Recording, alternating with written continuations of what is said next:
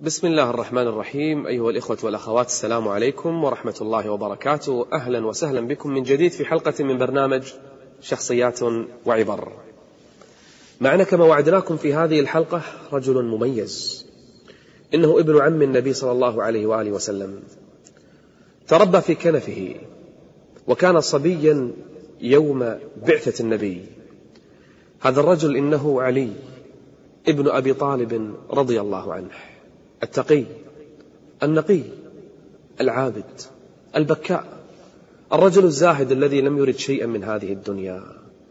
اسمعوا إلى قصته وطرفا من حياته. لا نستطيع أن نجبل حياته ولو بساعات. لم يفتح عينيه في هذه الدنيا إلا وهو مع رسول الله. أول صبي دخل في الإسلام وكان يذهب مع النبي مستخفيا ياخذ الرسول معه بداية الدعوة بداية البعثة يروح معه وين؟ في في شعاب مكة فيصليان. فيصليان. حتى أن أبا طالب أبوه يوم من الأيام شافهم يصلون. وأخبرهما أنه لن يمسكما أحد. طالما كنت حيا لن لن يقرب دعوتك ولا أنت يا محمد أحد. هكذا كان يدفع عنهما أبو طالب. علي بن أبي طالب رضي الله عنه كان يحبه النبي حبا جما حتى قال للصحابة يوما من كنت مولاه فعلي مولاه وعهد النبي صلى الله عليه وسلم عهدا إليه أنه لا يحبه إلا مؤمن ولا يبغضه إلا منافق. إنهم آل بيت رسول الله. إنما يريد الله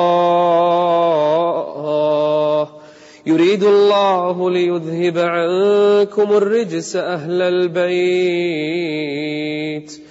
إنما يريد الله ليذهب عنكم الرجس أهل البيت ويطهركم تطهيرا. علي بن أبي طالب في وقت الهجرة كانت عنده بطولة وكان له أعظم دور. شنو دورك يا علي؟ تنام في أخطر مكان. طبعا المشركين يبون يذبحون الرسول. صلى الله عليه وآله وسلم. يبون يقتلونه. طيب شو راح يقتلونه؟ يدخلون عليه في البيت وهو نايم يقتلونه. كل واحد يطعنه طعنة. طيب من ينام مكان الرسول؟ أخطر مكان. مكان الموت. فراش الموت. ولحظة الموت. من لها إلا علي بن أبي طالب؟ يقول له النبي نم على فراشي وتغطى ببردتي. ففعلا نام علي مكان النبي.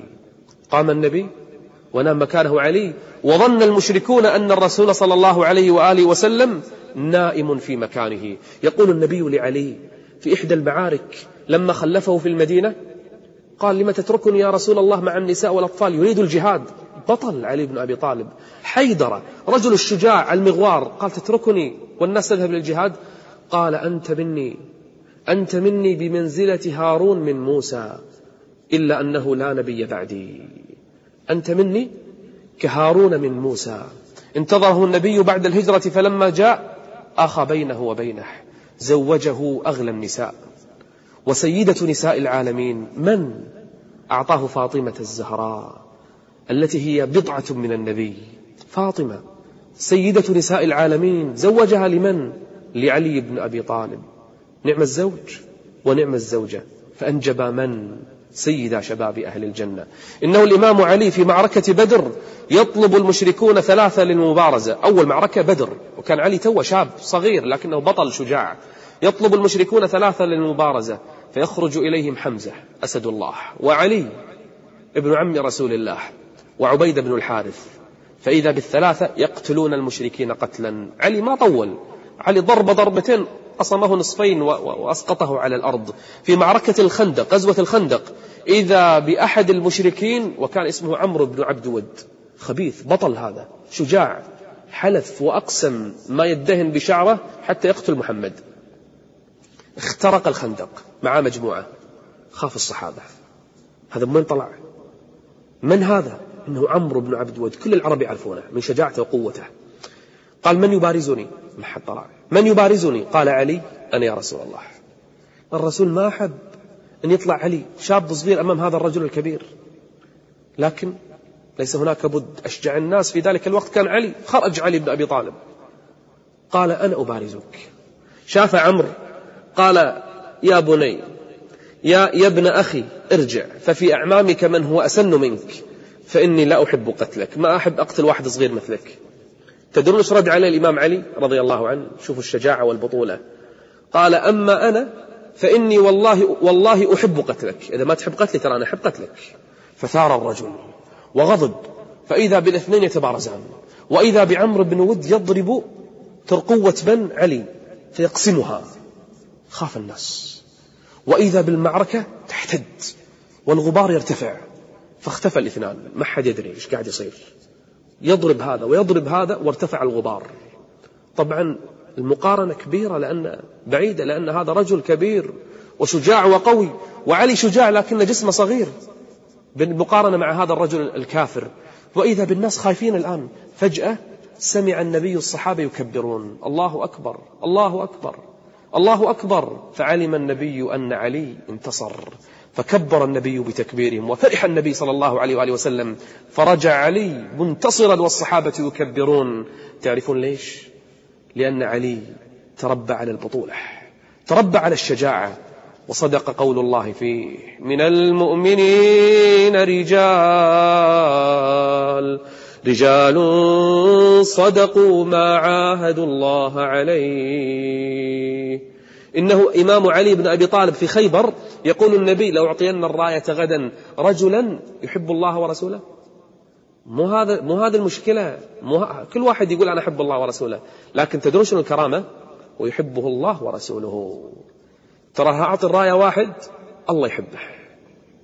كل الصحابة تمنوا لكن لم يكن لها في ذلك اليوم إلا علي. قال أين علي؟ قالوا يشتكي الرمد في عينيه. قال اتوا به. نفث النبي في عينيه فبرئتا كأحسن ما يكون. قال خذ يا علي. رجل يحبه الله ورسوله. قال امضي على رسلك. تقدم إلى خيبر. تقدم علي إلى خيبر رضي الله عنه.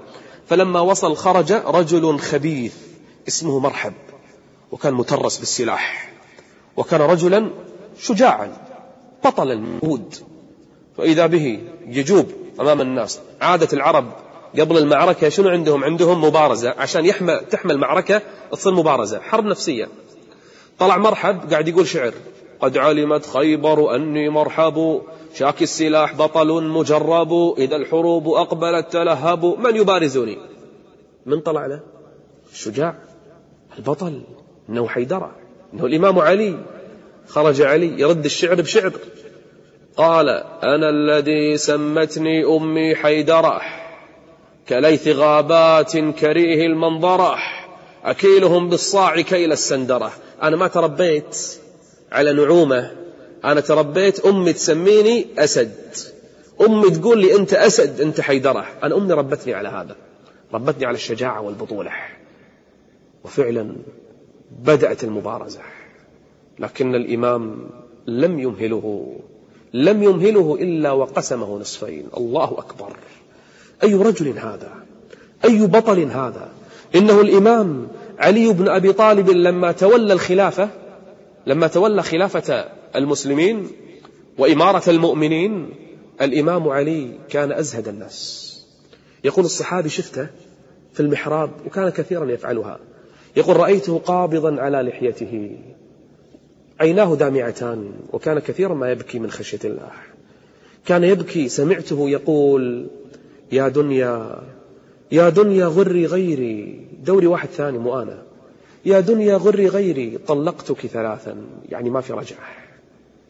لما تولى الخلافة كان في الكوفة سووا له بيت بيت جديد. قال ما هذا؟ قالوا بيتك. قال والله لا أسكنه. أنا أسكن بيت جديد رجع إلى بيته القديم. كان لا يملك إلا ثوبا سعره أربعة دراهم. هذا ملك من؟ علي بن أبي طالب شب من الدنيا ويعلم في قرارة نفسه أن الدنيا لا تسوى شيئا. إنه الإمام علي بن أبي طالب رضي الله عنه يوم من الأيام شاف واحد في بيته جالس ويرتجف من البرد في الكوفة جالس ويرجف من شدة البرد. ما عنده إلا ثوب واحد ثوب رقيق. قال له يا إمام يا أمير المؤمنين قد جعل لك من بيت المال نصيبا يعني حلال عليك. أنت أمير المؤمنين يجوز لك تاخذ. قال لا والله. لا والله دعوا مالكم لكم ما يبي شيء من الدنيا. قال هذا ثوبي الذي خرجت فيه من المدينة. قبل يوم من الأيام كان طالع رايح وين؟ ينقذ الناس لصلاة الفجر. يقعدهم لصلاة الفجر. فجاءه خبيث مجرم فاجر فاسق اسمه عبد الرحمن ابن ملجم ذلك الخارجي الضال. رأى الإمام علي راح يقعد الناس الخليفة يقعد الناس لصلاة الفجر. أيها الناس الصلاة. فجاءه من وراء ظهره وما كان أحد أن يقتله من, من أمامه. جاءه من وراء ظهره فطعنه. طعنه وهرب. قبض على الرجل. وجيء به. حمل الإمام علي. نظر الإمام علي وهو ينزف دما. والإمام يحتضر. قال لبنيه وهو ينظر إلى قاتله. نظر إليه وقال أنت؟ طالما أحسنت إليك. سبحان الله. لكن الخبيث خبيث. والمجرم مجرم واللئيم لئيم. قال طالما أحسنت إليك. تدرش قال الإمام علي حق أولاده؟ شوفوا الكرم وشوفوا العدل. قال أحسنوا له وأكرموا مثواه.